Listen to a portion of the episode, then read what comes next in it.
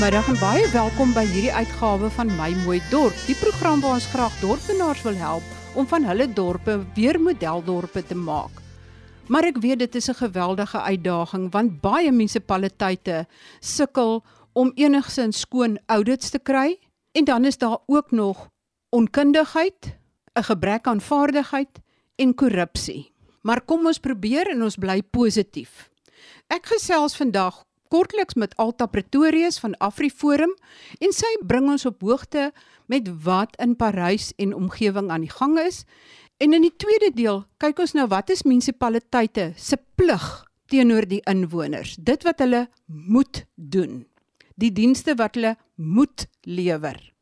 Maar eers vertel Alta vir ons wat in Parys aan die gebeur is en of die waterprobleem daar al opgelos is. Goeiemiddag Marie, goeiemiddag aan die luisteraars. Marie, ja, ek gaan so 'n bietjie terugvoer gee oor Parys. In Parys gaan dit nog sleg. Dit is jammer om te sê. Die uh, beerdkrag maak alles maar erg, maar die munisipaliteit se se goed is nog steeds nie in plek nie. So daar word nie genoeg water gesuiwer nie, daar word nie genoeg water gepomp nie. Daar was 2 weke gelede ernstige onluste gewees waar die mense die burgemeester se ma se huis in Tumahole gebrand het en ook uh die mense kon nie werk nie, die winkels kon nie oopmaak nie, die skole was toe uit protes teen die feit dat hulle nie water het nie, die belangrikste en in die algemeen dienslewering. Ons is nie tans in gesprek met die munisipaliteit nie want hulle is nie baie genee om met ons in gesprek te tree nie. Maar ek verneem dat daar intussen weer 'n transformator ge, opgeblaas het, so hulle sukkel met krag. Die dorp het vertye nie water nie. En uh, ons het nou nie onlangs die waterkwaliteit getoets nie.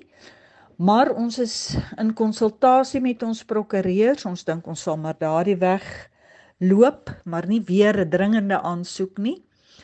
En dan is ons ook besig om te kyk hoe ons bietjie verligting kan bring vir die waterprobleem.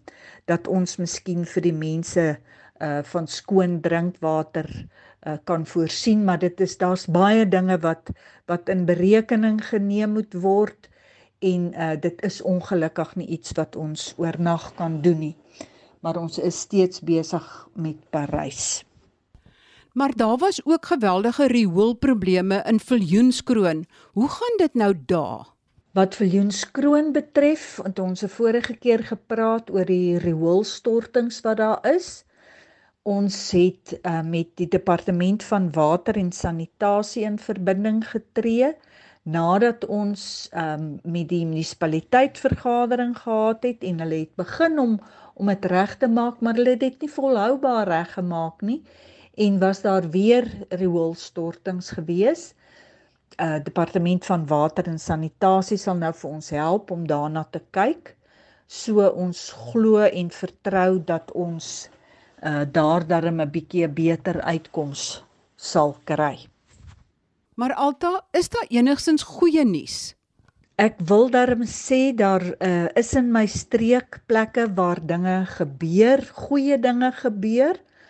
Ons het um, in Januarie 'n hofsaak gewen teen Matlosana munisipaliteit in Klerksdorp oor die gehalte van die rioolwerke wat nie behoorlik werk nie, soveel so dat die riool in die skoonspruit gestort word en omliggende boere het vee verloor van die uh, E. coli wat in die water is. En ons het daardie saak gewen. Die munisipaliteit moet binne 30 dae 'n plan voorlê uh van wat hulle gaan doen. Nou ek kan ook net daar noem dat ons ook vir hulle 'n plan gegee het van wat hulle moet doen by die rioolwerke, maar nou is dit ook al weer 'n jaar uh later, meer as 'n jaar later. So die verval dink ek was net nog meer gewees, maar dit wat ons vir hulle gesê het om te doen as hulle dit daardie tyd gedoen het, was die rioolwerke in 'n werkende toestand. So hulle moet nou uh die rioolwerke opknap en dan binne 3 maande uh moet hulle aan die hof verslag doen van wat hulle gedoen het. Ons sal ook maar intussen daar 'n oogie hou en kyk hoe dit gaan. Is daar ander suksesstories? Lekker suksesse wat ons het is in Botawil het die ehm um, Afriforum tak en die sakekamer en die munisipaliteit, die Nala munisipaliteit het hande gevat om slaggate te herstel. Die Afriforum tak het 'n waantjie toegerus met die nodige toerusting om slaggate behoorlik te herstel. En daar is 'n verbindingspad tussen Botawil dorp en Meyerhof, dis 'n uitbreiding van Botawil. En daardie pad is in samewerking tussen die drie instansies besig om herstel te word. Ek was verlede week daar gewees en dit lyk sommer goed. Wat sleg is is dat die pad in 'n baie slegte toestand reeds is, so dit is maar eintlik krisisbeheer. Maar die munisipaliteit voorsien die werkers en hulle gaan haal die warmteer in Stilfontein en dan doen die Afriforum tak en die sakekamer die res. Ook in Denysville het ons pas 'n tak gestig en die takbestuur het vergadering gehad met Metsimaholo munisipaliteit en hulle het ingewillig saam met die Afriforum tak hande te vat en hulle is besig om Denysville mooi skoon te maak. Die ingang is al pragtig skoon. By die kliniek is dit skoon. In die vakansie het, het die Denysville Afriforum tak die by die biblioteek ook skoon gemaak. En as hulle dan klaar is in Denysville, dan gaan hulle in Oranje wil dieselfde doen. So dit is 'n lekker positiewe ding wat daar gebeur. In Sasolburg is die Afriforum tak baie aktief en ons kyk nou daarna om 'n ooreenkoms met die munisipaliteit ook wat ook met Simaholo is te sluit want daardie tak sny gras. Hulle sny die groenstroke en hulle het 'n park daar aangeneem wat hulle pragtig mooi skoon gemaak het. So ons gaan daar ook kyk om 'n samewerking met die met die munisipaliteit te kry. In Potchefstroom gaan die tak steeds voort om 'n sekere hoeveelheid slaggate per maand reg te maak en ons is ook in samesprekings met die munisipaliteit want 'n mens wil uh graag met hulle saamwerk en hande vat. So ehm um, ek dink daar sal ook iets moois vorendag kom. In Ventersdorp spook ons vreeslik met die krag. Die kragsituasie is baie sleg daar. Ons het al reeds met Nersa uh, samesprekings gehad en uh, ons wag nou vir 'n vergadering, maar die die inwoners in in Ventersdorp is ook besig om in opstand te kom omdat hulle nooit krag het nie.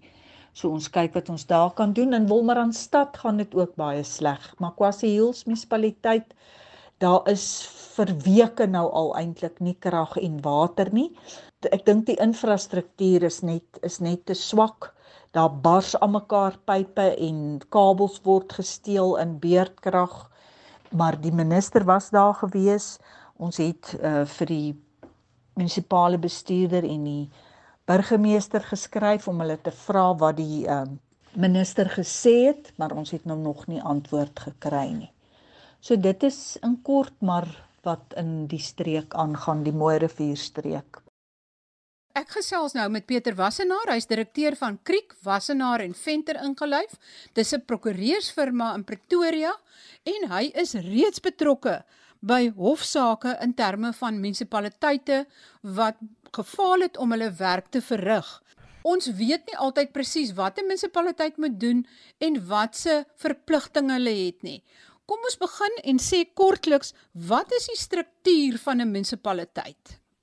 So Marie die 'n munisipaliteit vestig homself vanuit die grondwet van Suid-Afrika en dan 'n reeks wetgewing wat almal in die jare 2000 gepromulgeer is wat spesifiek die struktuur en die werking van 'n munisipaliteit uh, reguleer. En 'n munisipaliteit is hoofsaaklik een van die drie sfere van regering in ons land, uh, waarvan die nasionale regering, die provinsiale regering die ander twee is. Hulle is uitvoerende regerings verantwoordelik daarvoor om die nasionale projekte en doelwitte en uh dienste te lewer en hoofsaaklik dienste in die geval van 'n munisipaliteit. Hulle is onafhanklik van die nasionale en provinsiale regering behalwe in sover as wat hulle uh, onderhewig is aan beginsels van samewerkende regering ensovoorts. En 'n munisipaliteit se uitvoerende en wetgewende gesag vestig homself in die munisipale raad wie se primêre taak is om die munisipale en openbare dienste aan die publiek te lewer. So wanneer ons praat van die funksies van 'n munisipaliteit, dan kyk ons dan hoofsaaklik na die primêre funksies wat homself vestig in die grondwet en dan ook in hierdie primêre wetgewing wat munisipaliteite reguleer wat uitgevaardig is deur die nasionale regering.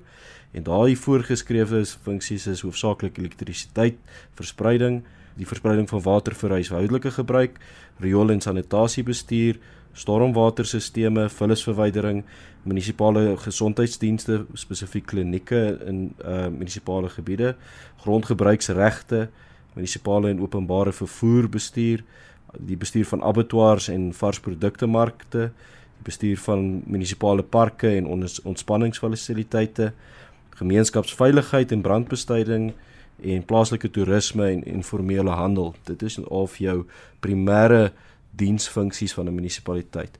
En hierdie funksies kan dan in sekere gevalle uitgebrei word deur die munisipaliteit homself wat via sy raad dan bywette skep en projekte skep en kan ook gevestig word uit hoofde van nasionale en provinsiale funksies en projekte wat gedelegeer word aan die munisipaliteit.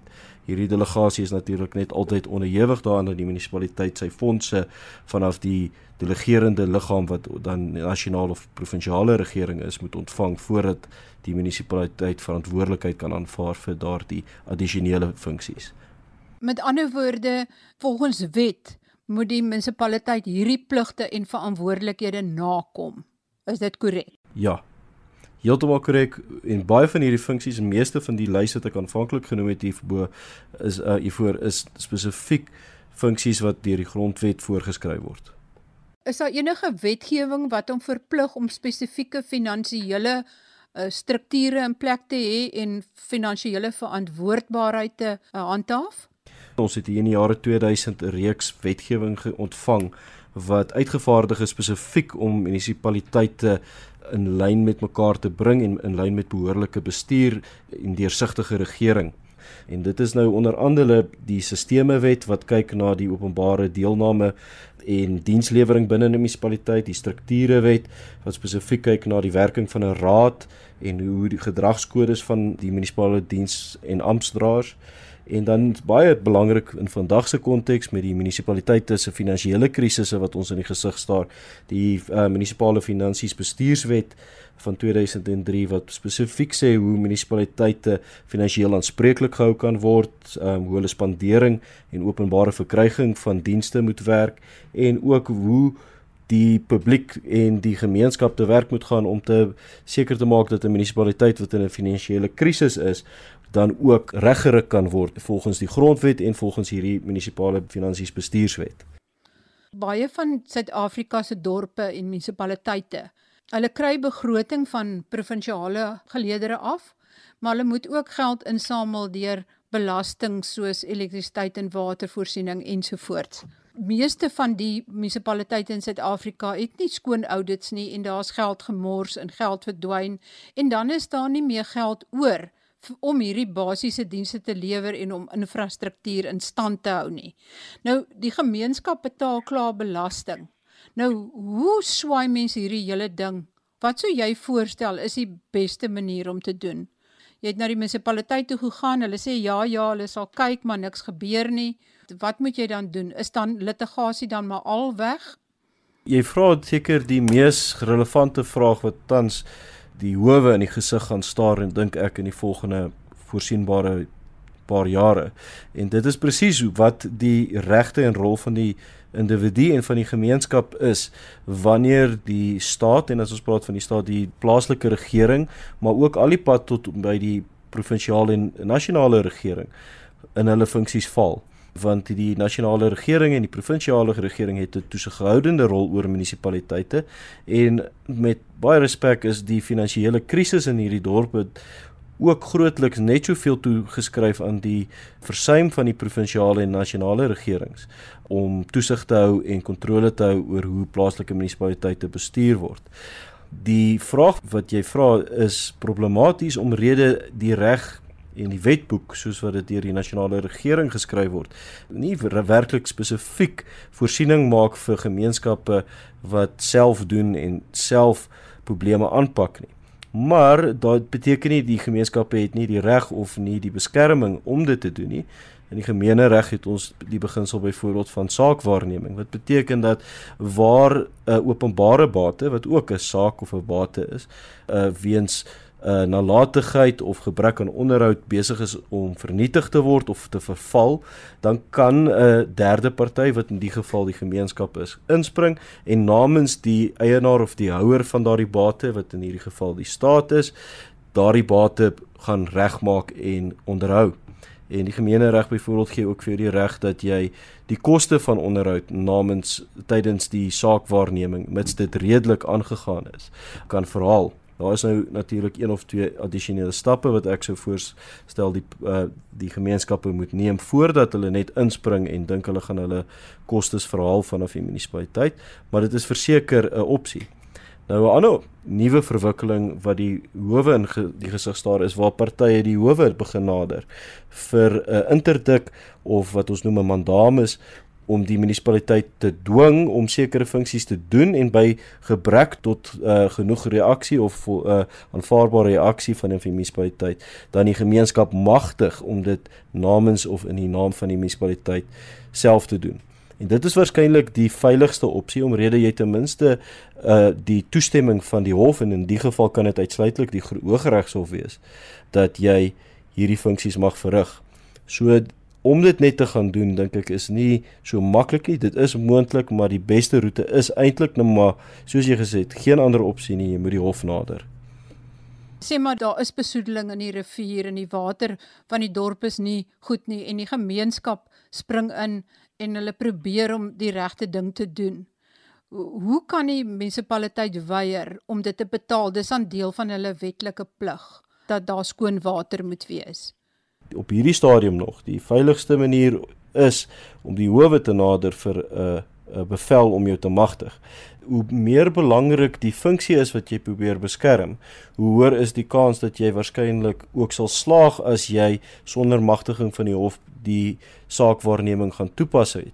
So as waar jy byvoorbeeld 'n noodsaaklike diens soos om die rioolwerke of die waterwerke te gaan herstel aanpak, dan is dit so dat jy waarskynlik ook 'n groot kans 'n hoër kans op sukses sal hê omrede hierdie basiese diensleweringsfunksies is. Ehm um, die deel waar jy 'n bietjie op risiko staan is met jou nie nie noodsaaklike en nie basiese dienste. Byvoorbeeld 'n parkie se gras te gaan sny op jou koste waar dit nie lewe of dood tipe sake noodwendig altyd is nie. Besoedeling, uh water, elektrisiteit, riolering ensovoorts is is redelike basiese funksies waar ek dink gemeenskappe met bietjie meer vrymoedigheid kan oorweeg om om in te gryp. Elektrisiteit byvoorbeeld is nie 'n basiese mensereg nie al al begin ons al hoe meer so voel. Dit beteken 'n munisipaliteit kan jou krag afsny as jy nie betaal nie. Maar funksies wat wel noodsaaklik is is is funksies soos water, riolering, en en tot selfs tot tomate iets soos vullisverwydering goed wat uh, openbare gesondheid veral affekteer. En daardie funksies is so dat dat hierdie is funksies wat die munisipaliteit grondwetlik en en statutêr volgens wetgewing verplig is om aan jou te lewer en daar is dit sodat 'n gemeenskap waarskynlik 'n hoë kans op sukses het as hulle hof byvoorbeeld op 'n dringende basis nader om hierdie funksies en dienste te herstel binne in die dorp.